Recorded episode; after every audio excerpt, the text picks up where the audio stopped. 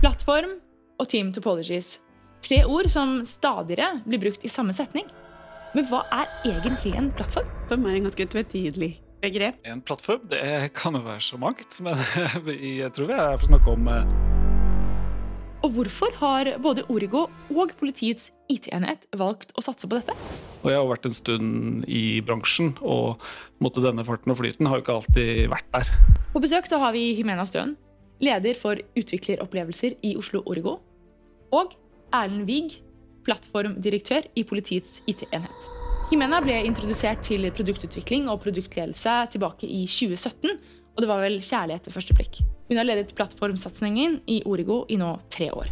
Erlend er tidligere utvikler. Han har ti år bak seg i NRK. Han forelsket seg i DevOps fordi han ønsket å forbedre softwareutviklingsprosessen. Vi får høre om hva en plattform er. Det er sånn gøy å tenke hvor vi har kommet over fra. da. Vi snakker nå om plattform og ikke drift. Eh, Hvorfor det er en game changer? eh, Så en ganske nylig sånn jobbundersøkelse av teknologer som slutter, så var det noe sånn 34% eller noe sånt som oppga eh, bare hassle på jobben. Hvordan det kan redusere kognitiv belastning. Mestre alle disse disiplinene. Så det, det har jeg tenkt mye mer på i det siste. Eh, eh, dette med, mener da, få ned kognitiv last. For det er, eh, det er fortsatt sånn, litt enkelt fortalt, at utviklere har jo mest lyst til å lage noe kult, noe fete ting. Og hvordan vi kan måle det. Er dette ting dere måler begge to i, i dag? Men også hvordan de tenker rundt rekruttering. Når dere rekrutterer til deres team, er det noen spesielle ting dere ser etter da? De aller fleste av dere abonnerer ikke på Smidepoden. Derfor vil jeg be deg om en kjempetjeneste. Det koster deg ikke en krone, men det gir oss i Smidepoden masse verdi.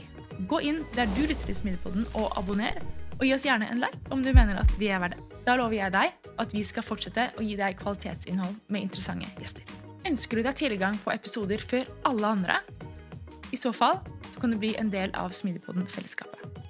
Gå inn på smidpodden.no slash en kaffe. Nå kan du ikke bare høre, men du kan også se Smidepodden. Gå inn på youtube.com slash smidepodden for ikke bare å lytte, men også se på Smidepodden-episodene dine. Vi vil takke vår partner som gjør Smidepodden mulig, Gnist. Tusen takk for at dere gjør Smidepodden mulig. Og ikke minst takk til Smidepodden-fellesskapet. Velkommen til oss, Jemena og Erlend. Veldig ålreit at dere ville ta turen. Jeg tenkte vi bare hopper rett inn i det. Ja. Hva er egentlig en plattform? En plattform det kan jo være så mangt, men jeg tror vi er for å snakke om eh, egentlig et eh, miljø for å lage systemer, egentlig. Drive moderne systemutvikling. Så type eh, et kjøretidsmiljø hvor applikasjonene våre opererer, og, men ikke minst en liksom sett med verktøy rundt det er i mitt hode en plattform. Men så tror jeg det, ja, det er mange definisjoner, da. Men jeg kan kanskje bidra litt også. Ja, det er, eh, det er det man sier. Kjært barn har mange navn, og Mm. plattform er en ganske tvetydig begrep, egentlig. Som kan bety veldig mye forskjellig ut fra de ulike kontekstene man bruker det i. Mm. Eh, en definisjon som jeg syns er eh, veldig fint, veldig bra, og som vi bruker i hverdagen, er den fra Tim Topologies, som har utvida etter hvert hva en plattform ses som. Til å ikke bare være en, en teknologiting, en teknologisk løsning, men eh, altså alt som bidrar til flyt og, redusere, og redusere kognitiv belastning hos produkttimene. Okay. Eh, så det er liksom en bredere eh, definisjon enn den man tradisjonelt bruker når man har tenkt plattform. Har du, har du et eksempel? Eh, ja, for eksempel eh, man kan se på dokumentasjon som en viktig plattformprodukt. Ja. Eh, for det hjelper teamene å komme raskt i gang og, og, og bidrar til, eh, til flyt. Det er veldig interessant. For det, det var jo ikke det jeg tenkte på i det hele tatt, egentlig. Eh, men er, det sånn det er hos dere? Altså er det liksom, eller for, for kanskje bare hoppe inn i det, altså hvordan ser det ut? Har dere ett plattformteam, eller er det, liksom, er det mange plattformteam? Og, og hvordan liksom det, Kommer det av at de skal løse spesifikke oppgaver, eller blir det en sånn samlepost av ting som andre ikke trenger å forholde seg til? For oss så er en plattform ikke en samlebetegnelse, men jeg er sånn opptatt av hvorfor vi prøver å få til dette her. Jeg Mm. mener for så vidt litt grann innom det. Det handler jo om for veldig mye for oss i PIT, da, som jeg kommer fra, så handler det om fart og flyt. Det er liksom eh, mantraet vårt. Eh, og en plattform eh, Man kan jo eh, se på en måte Jeg sitter med en iPhone foran meg. Det har jo også en plattform, men den type AppStoren er jo en, en, en plattform for, eh, for apputviklere å publisere sine løsninger. Så det er jo ikke egentlig det vi snakker om her. Her snakker vi jo om, om et sett, et produkt, da, egentlig, for, for våre teknologer, sånn at de skal få fart og flyt sånn i veldig stor grad. Så jeg liker å tenke på at jeg jobber egentlig med produktivitet. eh, og litt sånn opptatt av hvor vi er kommet da, på, på en måte smidig eh, Nå er jeg på Smidigpodden, det er veldig hyggelig. Eh, men eh, men eh, vi kan bare være på en måte så smidige vi vil. Vi kan sette oss så mye gode OKR-er og mål vi bare vil. Men på en måte hvis den utviklingsevnen vår i bånn er eh, omstendelig, består av mange bestillingssted hvor noen sitter og venter på ting, da, da vi da, da får vi veldig lite fart og flyt. da. Eh, et bilde jeg har brukt en del internt, er sånn hvis vi skal til, til Danmark, dette er det også forskning på, så trenger vi måte alignment for å vite hvor vi skal. Vi skal til Danmark. Men hvis vi har en liten jolle med påhengsmotor, så går det jo ikke så veldig fort. Mens for, eh, sånn, litt sånn MIT-forskning fra 2001, vi kan sikkert linke til det, Mm. viser jo at, eh, at eh, det å ha en speedbåt, eh, men litt om dårlig navigasjon, da kommer du faktisk raskere fram til Danmark. For da kan du bare gønne på i 100 km i timen, og så kan du jo styre litt underveis. Når du har evnen da, til å levere raskt og over i software. Ikke sant? Vi har evnen til å deploye ti ganger om dagen. Hvis vi har evnen til å gjøre feature flag-testing, da klarer vi jo på en måte å justere kursen også mye raskere. Er det det som, det er det som er drivkraften? Er det det for dere begge to? Er egentlig liksom det som er kjernen her, egentlig, for å sørge for at vi liksom ikke bare både bli, at vi er raske, men også blir raskere? Ja, altså jeg tror det var en viktig poeng at essensen er jo å eh, få til fart og produktivitet eh, hos produktimene, ikke sant? Og, og redusere kognitiv belastning for å få til fart og produktivitet. Det er jo liksom det en plattform skal oppnå. Eh, og så er det vel et spørsmål hvordan man definerer produktivitet, som er sikkert en spennende diskusjon i Ja. seg selv. En lang diskusjon. uh, så hos oss er f.eks. infrastruktur en viktig del av den plattformbiten. Uh, vi har også en designsystem som vi ønsker som en del av plattformen, og et datateam. Det er litt sånn gøy å tenke hvor vi har kommet over fra. da. Vi snakker nå om plattform og ikke drift. Og jeg har vært en stund i bransjen, og måte, denne farten og flyten har jo ikke alltid vært der. Eh, og den har jo i hvert fall ikke vært der i tidligere paradigmer med på en måte plan, build, run. Da var det jo for det første en organisasjon som lagde noe, og så var det noen som passa på det. Eh, og de som passa på det, optimaliserte jo sin, for sin infrastruktur og sine på en måte evner. Mens nå, hvor vi ønsker jo i mye større grad at produktteamene tar ansvar selv for sine leveranser, så, så må så, så kan ikke vi være hindringen, da. Jeg tror jeg er ganske enig på det. At vi har ikke lyst til å være i veien liksom, for produktutviklingen. Vi, vi skal booste den i større grad. Men samtidig så ser jeg litt sånne utfordringer, fordi vi har uh, shift left, eller hva vi kaller det, på, på produktutvikling. Så utviklere, nå skal dere også bry dere om drift. Mm. Eh, dere skal også bry dere om sikkerhet, kanskje. dere skal også bry dere om litt UX-testing. Dere skal begynne med OKR og mål. Og jeg er litt sånn bekymra for at vi har pusha ganske mye på disse utviklerne. Der vi beskriver nesten noen supermennesker som skal mestre alle disse disiplinene. Så det, det har jeg tenkt mye mer på i det siste. Eh, eh, dette med, mener jeg også, da, få ned kognitiv last. For det er, eh, det er fortsatt sånn, eh, litt enkelt fortalt, at utviklere har jo mest lyst til å lage noe kult, noe fete Mm. ting, og løse Mm. sine samfunnsoppdrag, da, i, i vårt tilfelle.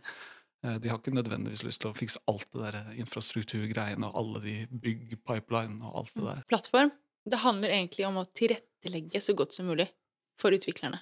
Tilrettelegge for produktivitet Ja, og muliggjøre. effektivitet. Muliggjøre. Ja, Ja. altså, vi kan se det som en muliggjører, Ja. eh, eh, tenker jeg, da. Ja. Eh, og så er det nok eh, og som er, vi var inne på, da, det at det kreves veldig mye av produktteamene nå. Mm. Eh, så ved det å være tverrfaglig og få ansvar for ikke bare utvikling, men drift, som er det Mm. vi vil gjennom DevOps, eh, så må jo teamene ha også er eh, kompetanse innenfor eh, applikasjonsdrift og den type ting som de tradisjonelt sett ikke Mm. hadde. Mm. Eh, Det gjør jo at vi får utvikla raskere, og at vi raskere får testa Mm. hvordan det funker i drift, det vi faktisk lager.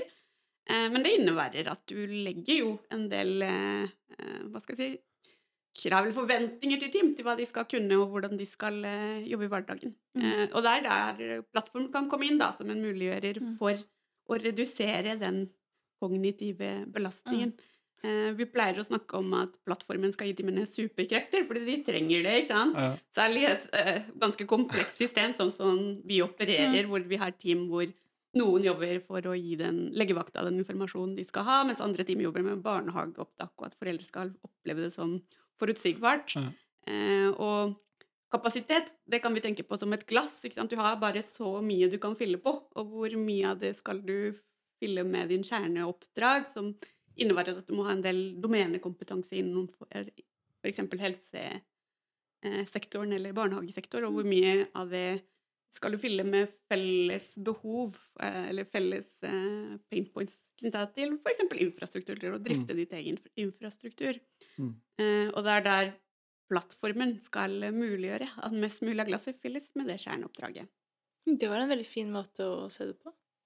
Men det jeg lurer på, da Så sier du ok, plattformen skal muliggjøre det. Hva er alternativet til en plattform? Hva har man tradisjonelt hatt?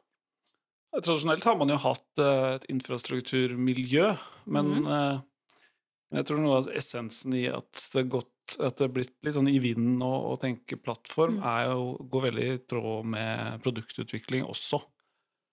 Eh, nettopp få ned kognitiv last, men å tilby noen produkter som er digge å bruke da, for teknologer.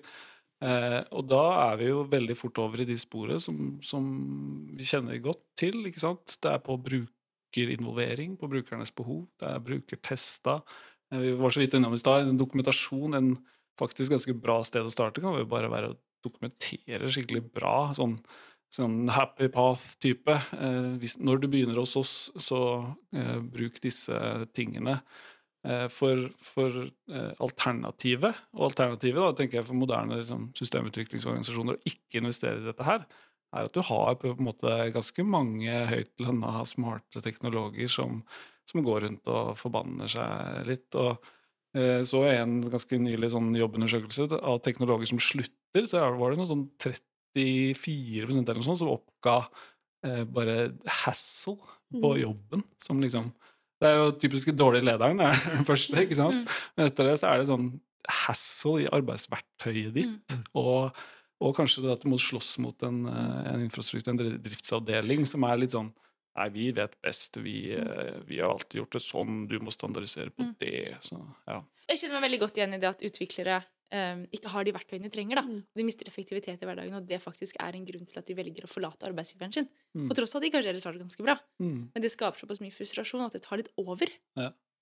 Eh, og det er ref kognitiv belastning, da. Ja, for, Hadde du noe du det, ville si? ja, for det jeg skulle si, var at jeg kjenner mye liksom, Nå er det jo ti år siden jeg var utvikler selv, men, men det har jo egentlig liksom over tid så liksom det du var inne på, at det, det har egentlig bygd seg opp mer og mer krav og mer og mer forventninger Ja.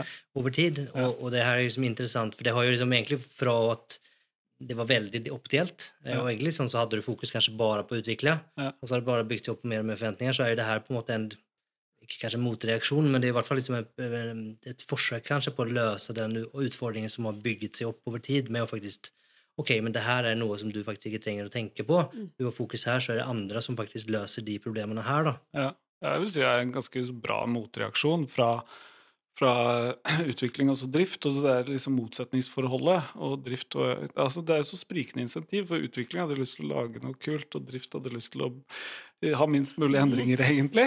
Og da er jo alle endringer ganske skummelt. eh, Til å egentlig snu Jeg tenker at du må snu litt på maktbehovet, og det er litt sånn interessant nå når du snakker med folk som kanskje har jobbet litt mye i drift, da. Og så er det nå aha, Dere snakker bare om utviklere nå, liksom de skal rulle alt. Men, det er, men jeg syns det, det er litt enkelt å si det sånn også. Men, Men det, jeg tenker det, det er endelig så tilbyr man eh, eh, infrastrukturen på en god måte, da. Eh, som, som nettopp er, ja Jeg sa digg i stad. Det er noe deilig å gå, ja, men gå inn i en selvbetjeningsportal. Da. Jeg skal ha en av den. To minutter senere, ferdig. ikke sant? Mm. Istedenfor du må huske på å gå til han og bestille DNS, og så må du gå til henne og bestille en VM, og så må du bestille et operativsystem et tredje sted. Altså det, det går jo ikke an å holde på sånn. Eh, Man pleier å si man må huske at utviklere er mennesker, de også. Ja. Eh, når man Jeg jobba med Dora, for eksempel, så var det en sånn Developers are humans too. Ja. Og de setter jo type pris på Eller det, det er jo for så vidt eh, både utviklere, designere, alle teknologer. Er sånn, Er vi veldig glad i folk som kommer med en liste med krav som vi må huske på å fylle ut? Den, gjøre denne ekstra VK-greia og alle den, den andre ting du også skal huske på. Eh, I vårt tilfelle er det jo riksrevisjoner, og det er NSM, og det er ganske mange som har en mening om hvordan vi burde gjøre jobben vår og, og sjekke av. Har vi lyst på mer av det, eller har vi lyst på en gjeng som kommer og sier Hei, bruk den her. Det tar deg to minutter, så har du overvåkning. Wow, kult. Det, vi liker dere bedre enn de som kommer med kravlista. Men, men hvordan ser det ut hos dere? Er det det dere lager, eller teamene deres lager, er det eh, på altså Må de bruke det, eller er det fortsatt frivillig, og dere prøver å lage en så god produkt som mulig, så at det faktisk blir tatt i bruk? Hvordan ser det ut? For oss nå, jeg kan starte med det eh, oss, eh, Vi er jo eh, litt historikk, da. PIT ble omorganisert ganske kraftig for to år siden. En sånn total omorganisering. eh, hvor vi virkelig hardt inn i det her. Produktutvikling i stor grad, og, og oppretta plattform. Det er bare to år gammelt. Før det så ja, det var det veldig mye infrastruktur. Så vi har ganske bra, kommet ganske langt på en intern eh, produktutvikling Nei, en intern utviklerplattform. Ganske bra. Eh, men det er ikke noe krav som sådan. Men det tror jeg er mest fordi vi står på et stort spenn da, av legacy-greie. Mm. ikke sant? Politiet er jo noen år gammelt.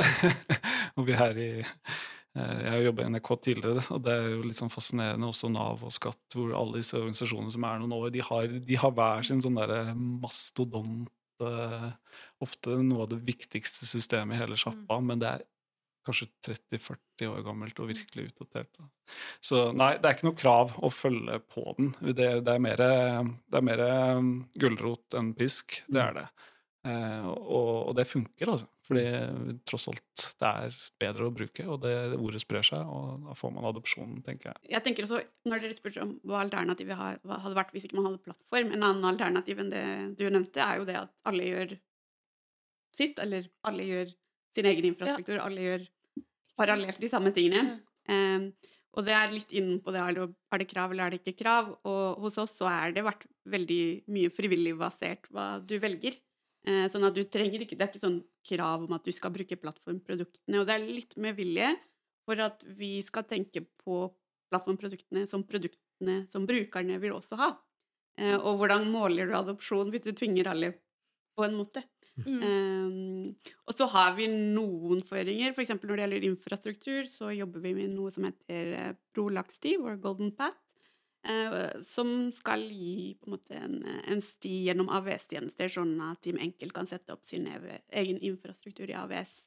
Og den er, hvis du skal fravike fra stien, så må du kanskje si, snakke med en kompis og si ja, jeg vil ta den avstikkeren, men ikke, hvis du har gode grunner til det, så kan du det.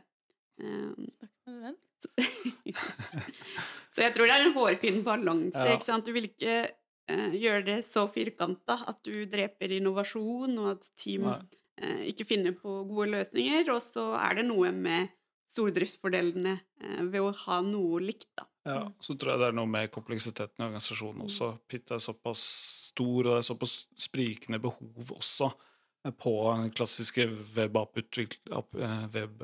web-app-utviklingsbiten kontra ja, operasjonssentralsystemene vi har liksom, som kjører fysisk rundt omkring i landet. Så jeg, jeg, jeg, vi, vi kan liksom ikke lage én plattform som passer for hele politiet, men som kanskje en mindre mm, startup-type vil jo type ha ganske homogen uh, stack i starten, i hvert fall, og så vil det kanskje spenne seg mer etter hvert. da. Jeg vet ikke hvordan det er i Origo, egentlig.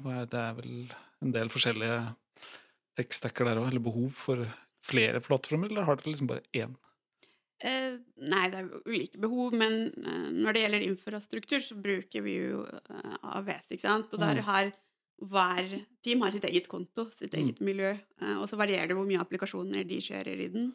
Alt fra tre på det enkleste til 20 Mm. eh, på de, det teamet som har løsninger som har eksistert siden, siden 2014. Dere snakker jo veldig tydelig, dere kommer inn på det egentlig hele tiden, at det er de andre teamene er kunden. Mm. Så- Og det syns jeg på en måte Hvis man har jobbet, i alle fall jeg som har gamle dager jobba med en gammel driftsavdeling, så er jeg ganske sikker på at det så ikke meg som kunden.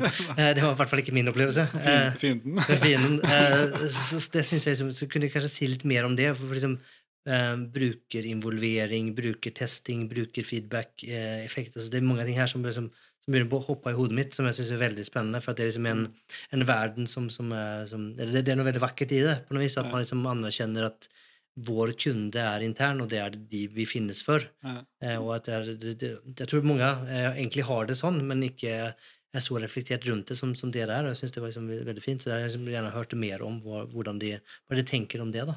Ja, for oss så er det veldig viktig å ha altså det, Når vi tenker produktfokus, så er det det vi tenker på. ikke sant? Der du setter brukeren i sentrum. Eh, og det er dems behov du skal ivareta. Og i vårt tilfelle så er det produkttimene. Som betyr at du må forstå behovene, og du må forstå hva som gjør vondt.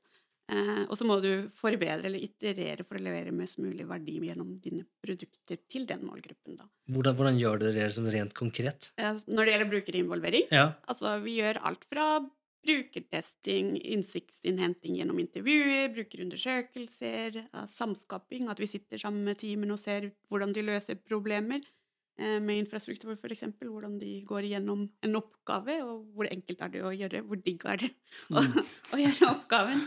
Eh, den type ting, da. Og der har design, designerne våre en veldig viktig rolle, da. Mm. eh, Når det gjelder å lage brukervennlige produkter. Mm. Eh, også for produkttimene. Og det å tenke på produkttimene som kunder eller brukere. Eh, og det, å, at det, det er meningen med livet for plattformtimene. Det er å Mm. levere verdi for sine, sine brukere. Og det, jeg syns det er veldig interessant. eh, For til syvende og sist så er jo sluttbrukeren det vi alle vil levere verdi til. ikke sant? I Mm. Oslo Origo så er det å levere verdi til innbyggeren første pri. Det er jo det vi vil.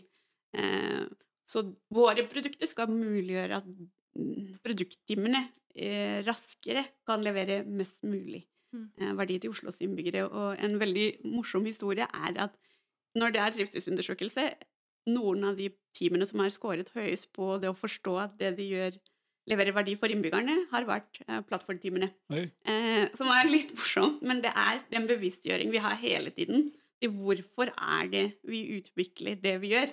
Eh, for teknologi er kjempemorsomt, ikke sant? Eh, og vi har jo masse flinke teknologier, så det er jo gøy å leke med teknologi. Men, men den bevisstheten på liksom sluttverdien eh, du leverer, da. Nå svarte du kanskje litt på spørsmålet mitt, men kanskje du har noe å tilføye der, Erlend. Fordi eh, hvordan Det er jo eh, lett å tenke seg at man ønsker å prioritere det som de gir på en måte, direkte kundeverdi, Mm. eh, og at det er dit man på en måte legger trykket. Mm. Eh, men ehm, nå må dere også prioritere altså dere interne kundene, prioritere plattformutviklingen. Hvordan argumenterer dere for den prioriteringen av midler, da? Ja, det går egentlig tilbake på Vi har jo jobba ganske mye med det det siste, og det er jo, jeg syns jo det er en litt vanskelig øvelse, for så vidt. Fordi hvordan på en måte skal du prioritere den eh, produktiviteten? Da? Det er jo ikke så liksom målbart, kanskje, litt, litt like eh, sånn tangible som en, en, ny, en ny løsning eh, til politibetjent eh, tjenestepersonell, eksempel. Men eh, det er jo et par ting. Vi er jo både begge inspirert av, tror jeg. Det er jo liksom Dora Metrics har vært oppe her, fra Accelerate-boka. Og den viser jo en god del eh, liksom deilig forskning. Det er ikke så ofte jeg ser bra forskning i IT-verden. Det er ganske mye synsing, å helt ærlig. Det er mye sånn anek litt anekdotisk bevis på at dette funka for oss, og så må du for guds skyld ikke gjenskape oss, for det, ja, det er litt sånn mye disclaimers. Eh, så den boka har jo et ordentlig bra forskningsbasert tilnærming til dette her, og undersøkt et par tusen selskaper, og hva som skaper hvilke på en måte av disse DevOps eller platform practicene som fører til syvende og sist da, til bunnlinja til de selskapene og, og til deres innovasjonsevne. Det har en del sånne, eh, også en del kulturelle bra aspekter, eh, blant annet. Så vi har brukt det mye i eh, egentlig satt det som et, både et styringsparameter og et, eh, et argumentasjon inn med tanke på finansiering og satsing internt hos oss. Eh, vi har kjørt hardt på den linja og fått, eh, fått gjennomslag for det, så jeg er veldig glad for det, egentlig. Kunne du eh, forklart litt hva Dora Matrix er til lytterne, kanskje? Ja Eh, Put me, put me on the spot. Eh, Det er eh, Sorry. Nei da, jeg skal klare å komme på de. Det er jo For det første er det jo Hjelp meg, gi meg nå. Det er for- deploy-frekvens. Det er den første. Ja, vi kan starte med å si at Dora, Dora står Dora, Et veldig fint navn. Dora Akronymer, ikke sant? Alle elsker det. Dora the Explorer. står, for DevOps Research and Assessment uh, Metrics. Yes. Og eh, det er jo, som, som vi var innom, eh, et forskningsprosjekt uh, som etter hvert uh, har vokst i størrelse, men som er en veldig anerkjent kilde da, til dette med, ITL, med å måle ytelse og koble det sammen til Mm. sluttverdi hos brukeren. Mm. Og det, står, det er fire metrics som er kanskje de mest kjente, og det ene er code lead time. Ja. Eh, hvor lenge har du kode før det kommer ut? Altså, Mm. hvor lenge, Fra du gjør en commit til Ja. den er ute i produksjon, på en måte. Mm. Mm. eh, og deployment frequence, altså hvor ofte driver du med deploys, som, skal, som måler noe om hvor fort du klarer å levere verdi, altså hvor fort en endring kommer til sluttbrukere. Mm. Eh, og så har du den som er eh, lead time to No. Nei, change failure Change rate. failure rate. Yes, jeg må hjelpe hverandre. Hold litt tunga rett i munnen. Change failure rate er jo eh, ja, eh, hvor ofte feiler en deploy. Mm. Eh, som også sier noe om at det lønner seg kanskje å stykke opp disse deployene og gjøre de veldig små. Mm. I gamle dager hadde vi en deploy i halvåret, hvert kvartal, kanskje en gang i året. Og det eneste som var garantert da? Jo, det var at noe feila. Så det å stykke det opp i kanskje deploye fem linjer kode, ganske liten risk på fem linjer kode. Mm. Så det er en måling, absolutt. Og så er det den siste time to recovery, er det ikke det? Ja, lead time to restore Ja. er vel den Mm. siste. Mm. Når du faktisk da feiler, for det kommer du til å gjøre. Ja. Hva er tiden du eh, bruker på å komme deg opp igjen? Og det sier også noe om at du kan få ut patcher raskt og Oi, jeg skrev noe feil i den koden. Hvor raskt kan jeg fikse det? Eh, Det har ikke så veldig mye å si heller hvis det tar deg to, to minutter å fikse det. Så er det jo greit. Er dette ting dere måler begge to i, i dag?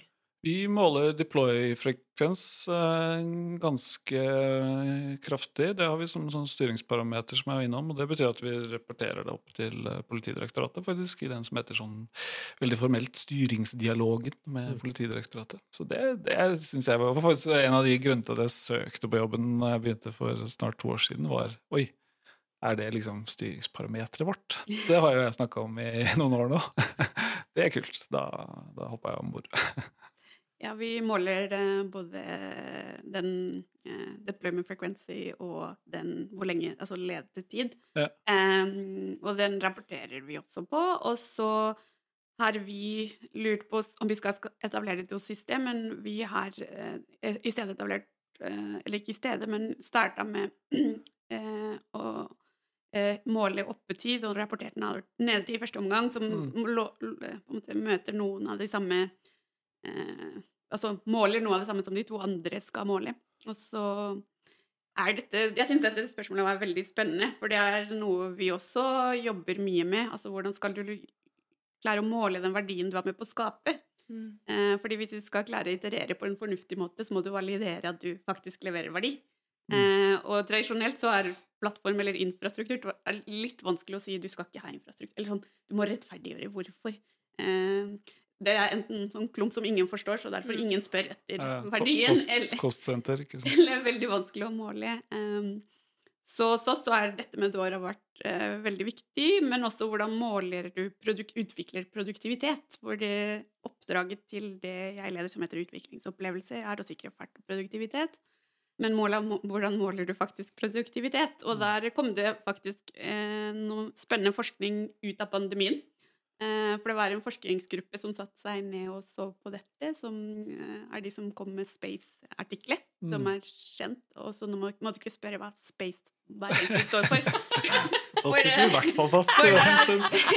det er, men det er, det er på en måte anerkjennelse at du ikke kan måle produktivitet gjennom en enkel variabel, men må se på dette tverrfaglig og sette det sammen gjennom mange ulike indikatorer, hvor utviklerstrivsel også er en Ja, viktig da må del. jeg få lov til å hoppe inn, for der er vi jo virkelig inne i den der sosiotekniske greia. ikke sant? Fordi nå har vi snakka en del om at den grunnleggende infrastrukturen, det å få ut fra en idé til kode, da, eller fra idé til produksjon, det bør være kjemperaskt. Mm. Og det, i moderne, for en utvikler, så bør du kunne liksom skrive kode, commit, og så bør det være ute i eh, produksjon i løpet av ti minutter, kvarter, kanskje. Kommer litt an på. Mm. Men så, så den biten er på en måte løst. og den, Det er litt sånn som, jeg, som å skrive kode nå også. ikke sant? Eh, ChatGPT har tatt over. Det å skrive kode er jo ferdig.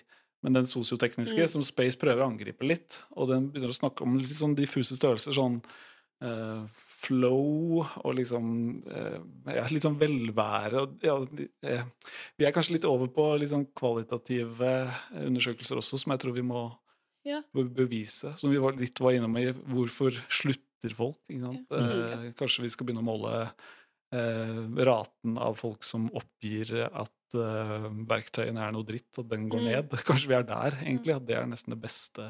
Hvordan måler du egentlig utvik eh, produktiviteten til et eh, utviklingsteam eller en person? Jeg har aldri sett noen som virkelig har klart å naile den. Ja, men eh, du, du, du brukte et begrep sosioteknisk. Mm. Ja, så, så teknisk. Eh, Hva legger du i det begrepet? Du, har- du har vært litt inne på det. ikke sant? Ja, Produktivitet, velvære, har du det bra på jobben, kanskje? Turnover Altså, jeg vet ikke. Hva, ja. hva legger dere i det? Eh, nei, det er, jo, det er jo hele pakka, da, på en måte. Hvordan skal vi forklare det? For, eh, vi har jo systemtenking, og der går det jo på en måte eh, flyten av et eller annet som skjer.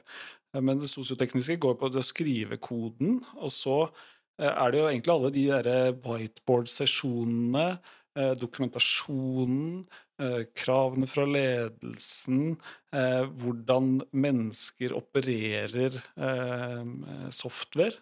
våre mentale bilder av det. Alt det der liksom sosiotekniske kommuni- og bare teamkommunikasjon og alt det der, liksom, det vanlige, holdt jeg på å si. da.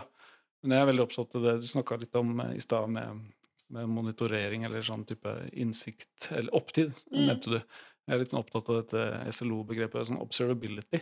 Syns det er veldig fascinerende hvordan vi har disse mentale modellene av av systemene våre.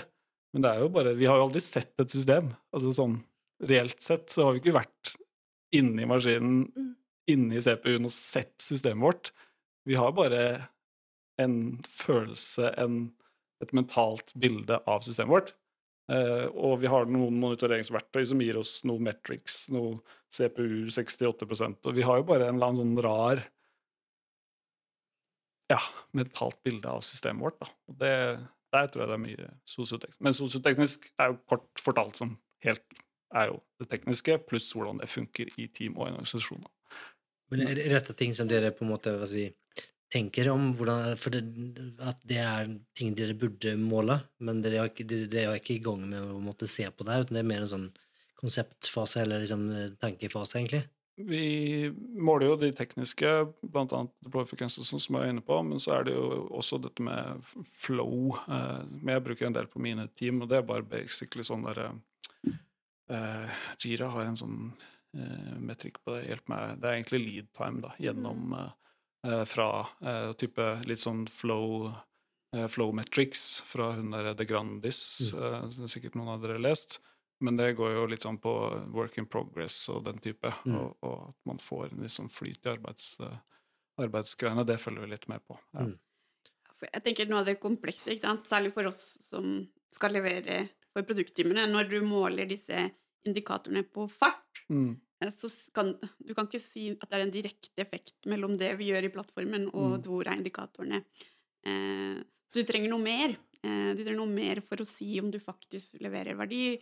Eh, og vi har lenge tenkt på det. Altså, vi testa ut dette målet kognitiv eh, last. Mm. De samme fra Team Topologies har nå kommet med en sånn spørreundersøkelse Eller de hadde kommet med en spørreundersøkelse og en egen rammeverk for å klare å måle det. Eh, men vi brukertesta det, og våre team var sånn Det ville pådra oss masse kognitiv last om dere Ja, Om vi skulle måle kognitiv last! Skal måle det på den måten. Så vi har litt sånn eh, Det er fascinerende. Ja. tenkt mye på hvordan vi klarer å måle faktisk dette på en enkelt måte. Nå er vi endt med å også i stedet sende en litt forenkla versjon av det, spørreundersøkelse, som vi Mm. kjører nå to ganger i, første, i året i første omgang, og som vi etter hvert kommer til å kjøre en gang i året. Mm. Eh, hvor vi prøver å måle sånne ting som brukertilfredshet med plattformproduktene. Hvor bra funka dokumentasjonen? Fant du den hjelpen du skulle ha? Tilfører vi deg den kompetansen du trenger? Eh, og så er eh, det spennende også at det gir ikke hele bildet, det heller. Eh, så vi har begynt å tenke på en viktig ting vi bidrar til, er å frigjøre kapasitet hos produktteamene. For ved å bruke våre produkter, så trenger ikke du selv å lage det. Eh, eh, om det er frigjort tid eller unngått eh, tidsbruk, det er et Mm. spørsmål, ikke sant. Eh, og vi har gjort forsøk på å begynne å måle det. Eh, når vi etablerte designsystemet, så hadde vi gjort en ganske grundig kost-nytte-vurdering på vil dette lønne seg. Eh, der vi eh, tok tid på hvor lang tid det tok å utvikle designkomponent. Eh, Mm. Sånn at du klarer å estimere okay, hvor mye tid klarer å frigjøre ved at disse er bare tilgjengelige og kan gjenbrukes, og timene slipper å, eh, å bruke tid på det. Eh, og der er en arkitektene som jobber i utviklingsopplevelser, som har gått gjennom all kodebase eh, og klart å fange ut når er det disse komponentene har vært brukt i koden. Og gjennom det så klarer vi å estimere litt Mm. mer reelt tall i stedet for en veldig fiktivt tall. Mm. Og så har vi forsøkt å gjøre det samme med infrastruktur, og det er enda vanskeligere, ikke sant? For du kan ikke eksperimentere og sette bare Nå skal vi kjøre et team som skal sette sitt eget infrastruktur helt fra bunnen. Lykke til sånn uten hjelp, og for å klare å måle hvor lang tid det tar, sånn at vi kan vite hvor mye tid vi klarer å spare. Mm. Eh, Så det nærmeste vi kommer der, er hvor lang tid vår infrastrukturteam eh, brukte på å sette opp sitt referanseoppsett. Eh, og det kan gi deg en indikator av cirka hvor mye tid. Det Mm. hadde riktignok ikke blitt like god kvalitet og like trygt Mm. hvis alle skulle gjort det fra scratch, men det gir en indikator. Og en enda mer spennende tanke her er disse gjenbrukbare infrastrukturkomponenter. Eh, for der vil du kunne gjøre noe tilsvarende av det du gjør i designsystemet. Kunne måle litt mer eh, fortløpende. Hvordan er prioritering oppi det her, da? For liksom, dere, måler ganske mye ulike ting, og dere tenker mye om måling.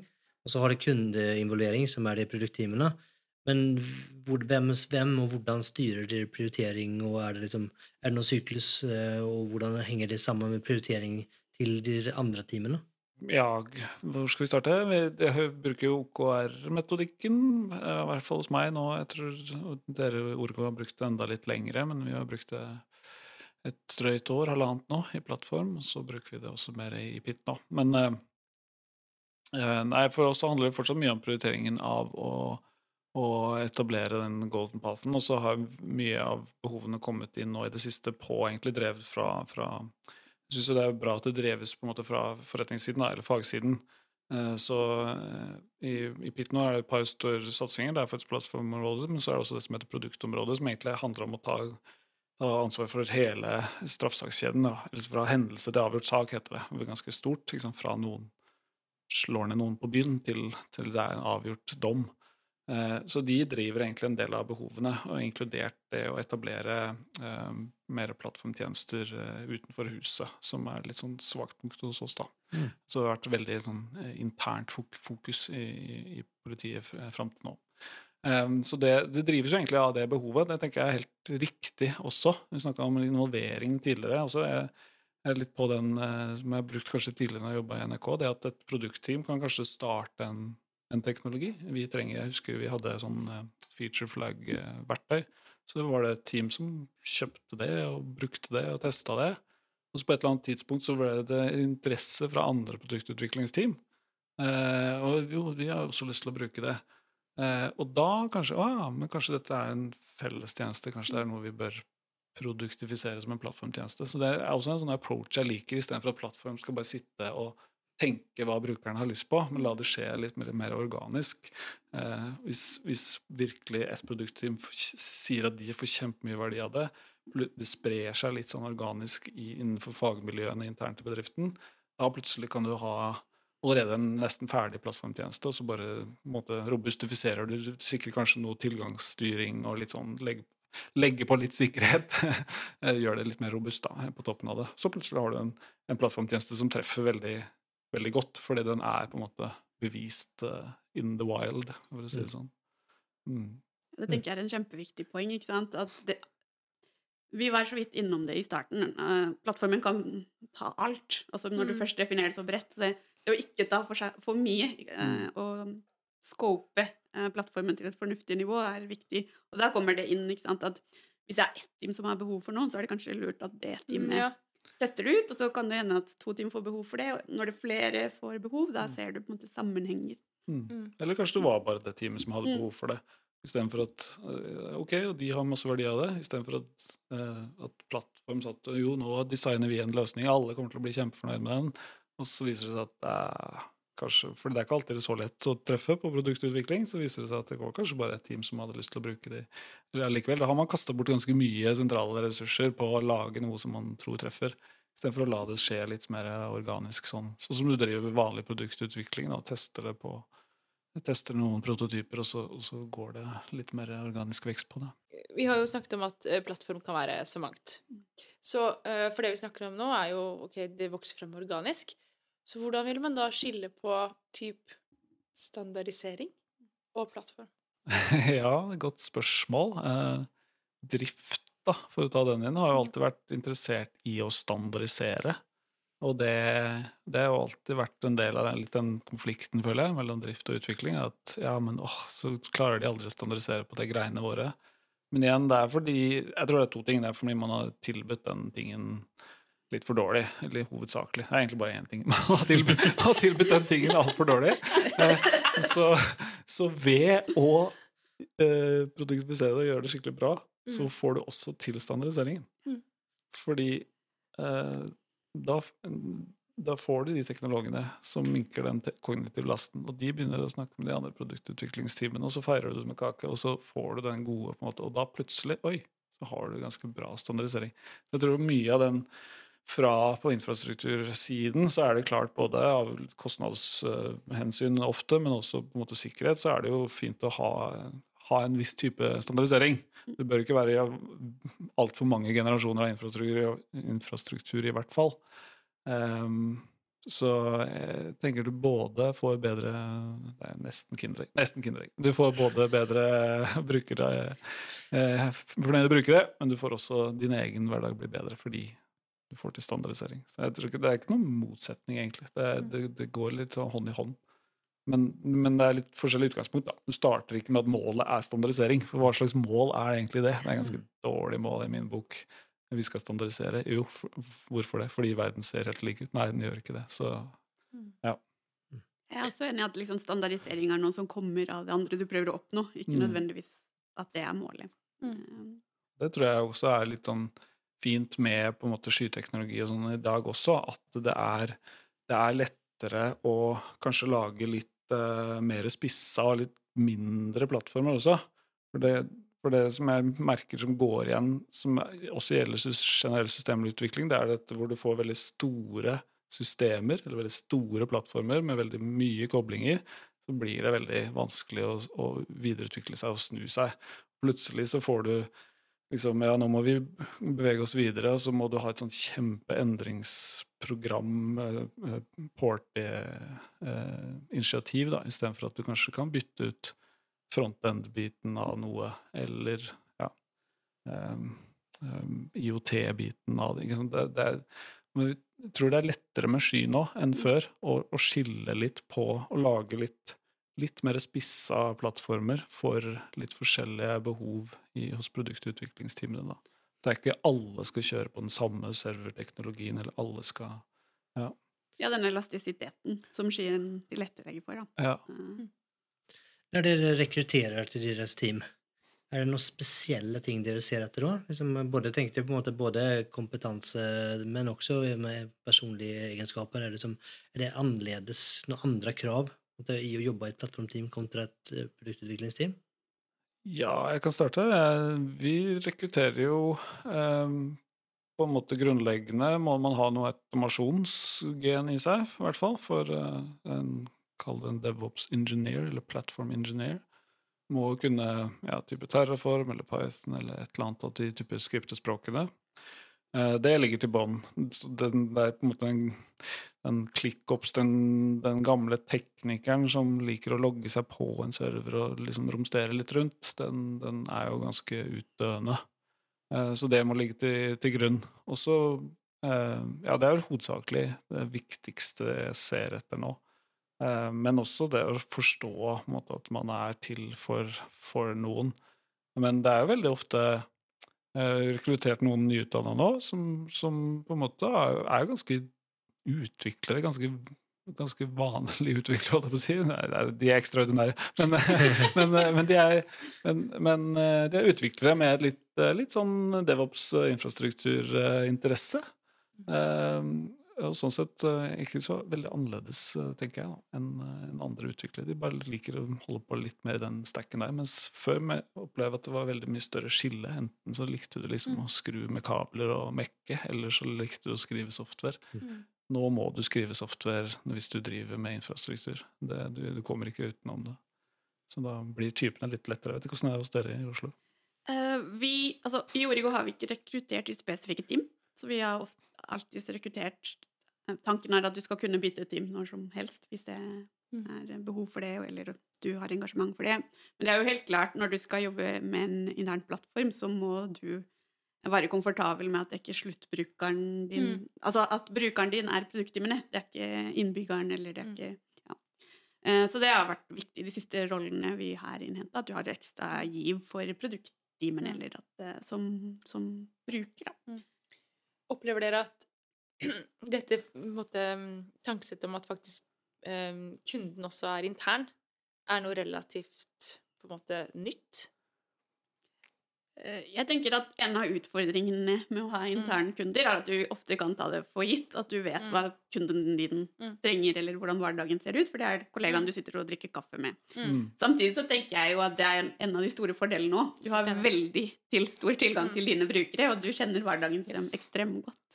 Eh, men når du jobber i, i plattformen, så må du også ha ekstra interesse for hverdagen til produktteamene og de utfordringene de står i. ikke sant? For å klare å Mm. levere gode produkt, eh, plattformprodukter, så må du forstå at helsedatateamene de har helt spesifikke utfordringer knytta til f.eks. det å koble seg til helsenett og den, Mm, det mm. pain points det innebærer. Og, Mm. og så må du kunne det samme med barnehagetimene. Så, Mm. så det, er, det er ekstremt viktig det å uh, klare å forstå hverdagen uh, til de ulike timene. Da. Ja, jeg er helt enig, og det, det er jo min erfaring også. Jeg har vært i organisasjoner hvor man har fått litt sånn aha-opplevelse. Sånn, ah, men min, eh, min kunde, det er en ansatt. Eh, og for å forstå den kunden, så må jeg forstå kunden til kunden, på en måte. Ja. Eh, og det faktisk må si, kan være ulikt, da. Um, Mm. För vi har, nå er det mange år siden, men vi hadde jo en, for mange år siden egentlig en øvelse der vi skulle måtte si, tegne vår egen organisasjon eh, fra kundens perspektiv. Eh, og det var jo, Man var ikke enig om hvem det som var nærmest kunden. Eh, og for, det, og det var, for alle hadde liksom veldig lyst til å være nærmest kunden. nå. Mm. Eh, og at man, liksom, at man ikke kunne helt kjenne seg igjen i sin oppgave, at det faktisk man kunne være intern. da. Mm. Eh, Men det virker som at måte, for dere er det veldig naturlig. Og, og jeg tror at det er liksom litt grunnleggende òg, for ellers tror jeg ikke det hadde, hadde fungert. Men, men har dere jobba aktivt med å liksom, etablere det, eller kommer, har det liksom, kommet naturlig av seg selv at det, liksom, det er den interne kunden, og, og det, er, det er det, på en vis? Ja, for oss eh, igjen litt tilbake til vi omorganiserte oss stort for to år siden. Da ble det ganske tydelig føring på at nå, nå skal vi ha produktteam, og så skal de ha noen gode tjenester i bånn som skal gjøre de mer effektive. Så det var liksom, når jeg kom inn, så var det på en måte marsjordren også det på en måte jeg tror på og sto for. da. Men så vil jeg si det, det har skjedd ganske mye med organisering etter det også. Ehm, og det er kanskje spesielt det rundt at man organiserer seg mer på en måte verdistrømmer og rundt de produktene man har lyst til å skape, enn teknologi. Mm. Men det merka jeg fortsatt at det var en ganske mye eh, etterslep når jeg begynte på det. For eksempel, det var et Windows-team. Ok, hva leverer et Windows-team?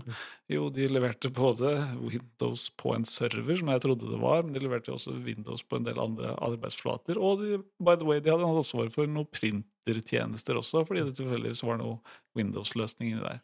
Så der handler det også om å videreutvikle der. ok, hva, hva er produktet deres? Hva, hva skal dere levere? Hvem er brukeren deres? Og første gang jeg møtte det teamet, så var det sånn «Eh, Vi aner ikke. Vi har kunder både på loftet og i kjelleren. Vi aner ikke hvem vi er til for. Og da var det sånn Ok, da starter vi der. Eh, la oss eh, ta, en, ta en workshop på det først. Så, så jeg vil jo si det at er ganske tydelig for oss eller nå, men det er litt sånn, fortsatt litt arbeid på, på det.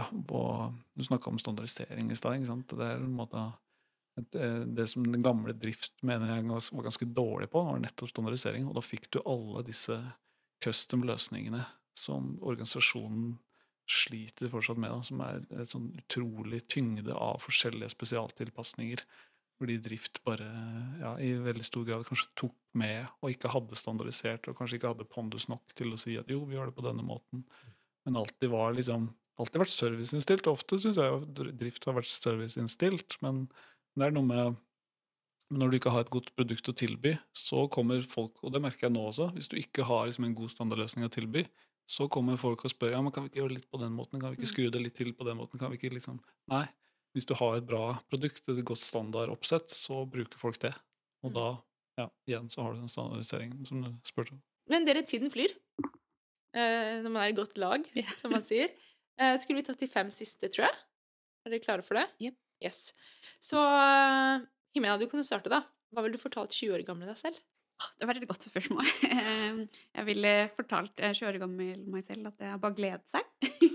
For livet er kontinuerlig læring. Eh, Nei, det jeg ville sagt, er at eh, det er veldig, veldig bra å omringe seg selv med masse forskjellige typer mennesker, for da lærer man eh, utrolig mye. Eh, meg? Ja, Ja. Eh, nei, jeg vet ikke om jeg skulle fortalt meg selv så mye. Altså, jeg syns det eh, Det er noe med at jeg tror veldig på den der at det er vanskelig å hoppe over noen læringssteg. Så liksom, om vi skal gå 20 år tilbake og si liksom Ja, det er noe med det at eh, spedbarnet må kanskje falle og slå seg litt for å, for å komme seg videre.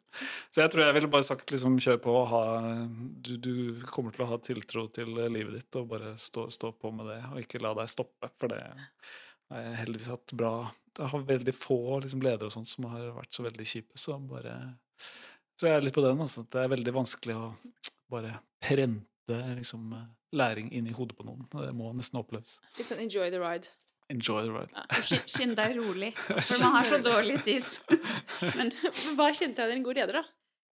Eh, for meg en god leder og er en som eh, er en blanding av både tillit og empati. Mm. Det at du skaper trygghet eh, rundt At det føles trygt fordi man jobber sammen med, og at eh, de føler seg støttet, at du, de vet at du har ryggen deres.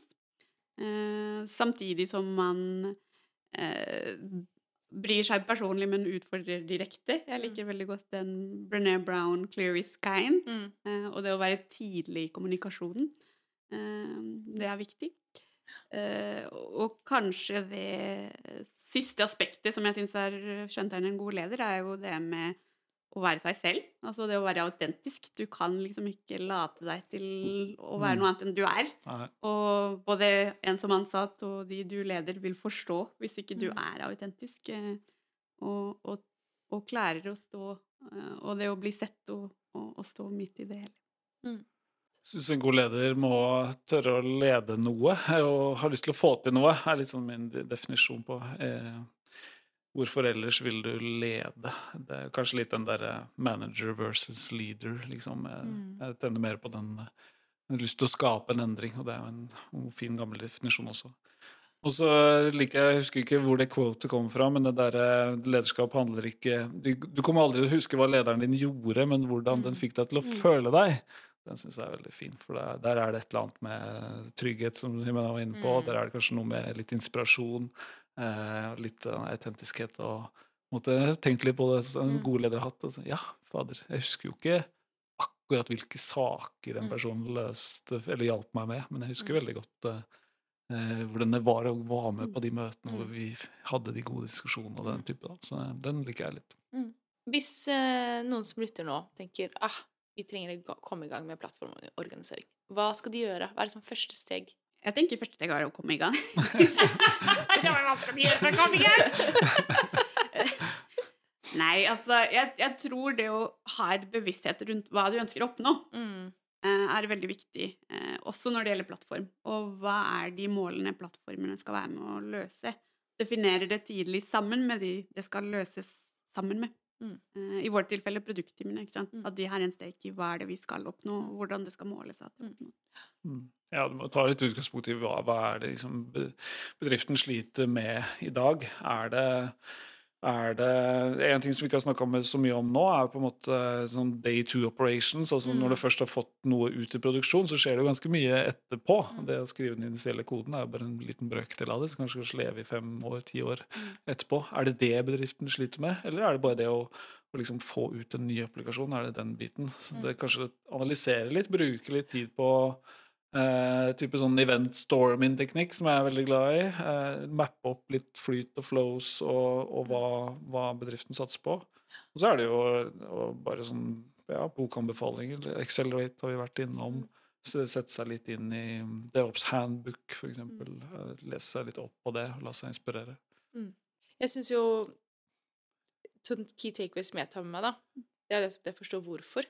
Hvor, hvor, hvilke problemer skal vi løse.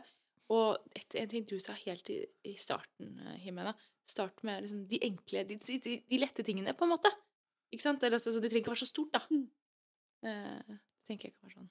Mm. Men eh, nå var du inne på bøker, Erlend. Ja. Eh, du sa Accelerate. Mm. Er det noen flere bøker du vil anbefale? Det er så mange. Jeg er så glad i å lese om dagen. Slutt å se på TV, bare lese. Eh, eh, Phoenix Project, eh, også en annen. Den er ganske gøy. Sånn, I hvert fall hvis du tenker Jeg kjøpte det til uh, min ikke helt tekniske eller to steg opp-leder en gang. Og den er jo mer en sånn novel, eller roman på norsk, skrevet i en ja, fiktiv verden, som forklarer veldig mye det der. Hvordan, hvordan er det å være i en organisasjon hvor disse tingene går Mm. av seg sjøl, hvor det flyter bra, og hvor digg er det å jobbe da. Så jeg henger meg opp i den litt. Ja, og en siste som jeg har lest nå, som jeg syns var fin, er en som heter um, Dynamic Reteaming. Den var ganske fin. Eh, av uh, hva heter den? Heidi Helfand, tror jeg. Uh, Handla mer om dette med ja, at team endrer seg. Det eneste som er sikkert, er at teamene kommer til å endre seg. Noen kommer til å pensjonere seg, noen kommer til å eh, Ja, målene endrer seg, og vi kanskje må aligne oss på andre måter. Så, det, så på en måte sloganet der er 'hvorfor ikke bli god på å oppløse og lage nye team'. Uh, og det er ganske sunt egentlig for organisasjonen å ikke bli altfor stuck i, i veldig faste team over veldig mange år. Mm. tror jeg kan være ganske kan være, Vi snakker veldig mye om at uh, vi skal ha disse stabile teamene som skal bli gode, og sånn, Mm. men den boka argumenterer ganske mye motsatt, egentlig. Det er bedre å bli god på å omorganisere seg litt sånn smidig hele tiden. Eh, spennende tanke. Veldig bra. Det er en, ja, det har Tobias og jeg diskuterer mye om det der. Mm. Fleksibilitet versus stabilitet. Ja. Um, det er en helt annen diskusjon, men en veldig spennende diskusjon. ja, absolutt. Får ta på del to. Kommer mot til for mye spennende. Jimena, har du noen anbefalinger? Eh, altså, vi har jo vært innom mange her. Eh, jeg syns Team Topologies er veldig Ja. fin start. Um, Det skulle jeg nevnt. Ah, den, den er har fall vært veldig viktig for meg da, i min Ja. reise gjennom plattformen. Eh, den ville jeg tatt. Og eh, så er jo hva, hva er min leseliste? Gode produkter. Det syns jeg Mm. er eh, eh, Mm. en fin bok eh, som jeg har ja, Mm. i leselista til jul. Og ja, de, ja, akkurat nå så er det av de klassiske ja, Teresa Torres og Ikke dumt heller. Nei, ikke det. Men hvis man, skal komme, i- hvis man ønsker å komme i kontakt med dere for å høre dere noe mer Eh, Jeg er stort sett på LinkedIn om dagen. Eh, Det er jo liksom blitt litt de facto etter hvert. Ellers er jeg på Mastodon også, faktisk, men jeg er ikke sånn superaktiv. Ellers bare vanlig e-post. Erlend.vik.politiet.no er også helt fair sted å starte. Jeg svarer ikke på timen, men eh, det kommer etter hvert. det kommer etter hvert. Hva med deg, Jimena? Ja, liksom mye det samme. Jeg er LinkedIn er en god start. Og e-posten min, som jeg ikke husker utenat. Den er veldig lang. Dere må gjøre noe med det domenet deres. Jeg klarer å huske Men eh, ja, der. Og så er vel noen slakkgrupper, offentlig pass Ja, det skal jeg Ja. til å si. Det er litt shout-out til Offentlig Pass, som er jo et veldig sted hvor vi samles i mange i offentlig virksomhet som driver med mye av det samme, og er veldig bra faglig. Jeg vil si at vi er ganske langt framme i mange miljøer. Nav, skatt, Ja, virkelig, ja. eh, Mattilsynet, alle disse som på en måte deler, eh, deler eh, mye bra der. Der, der henger jeg faktisk ganske svarer raskere enn på e-post. Så bra. Men med det så tusen takk for at dere ville komme. Og så er det bare å si ha det bra til lytterne, da. Ha det. Ha det! Ha det bra.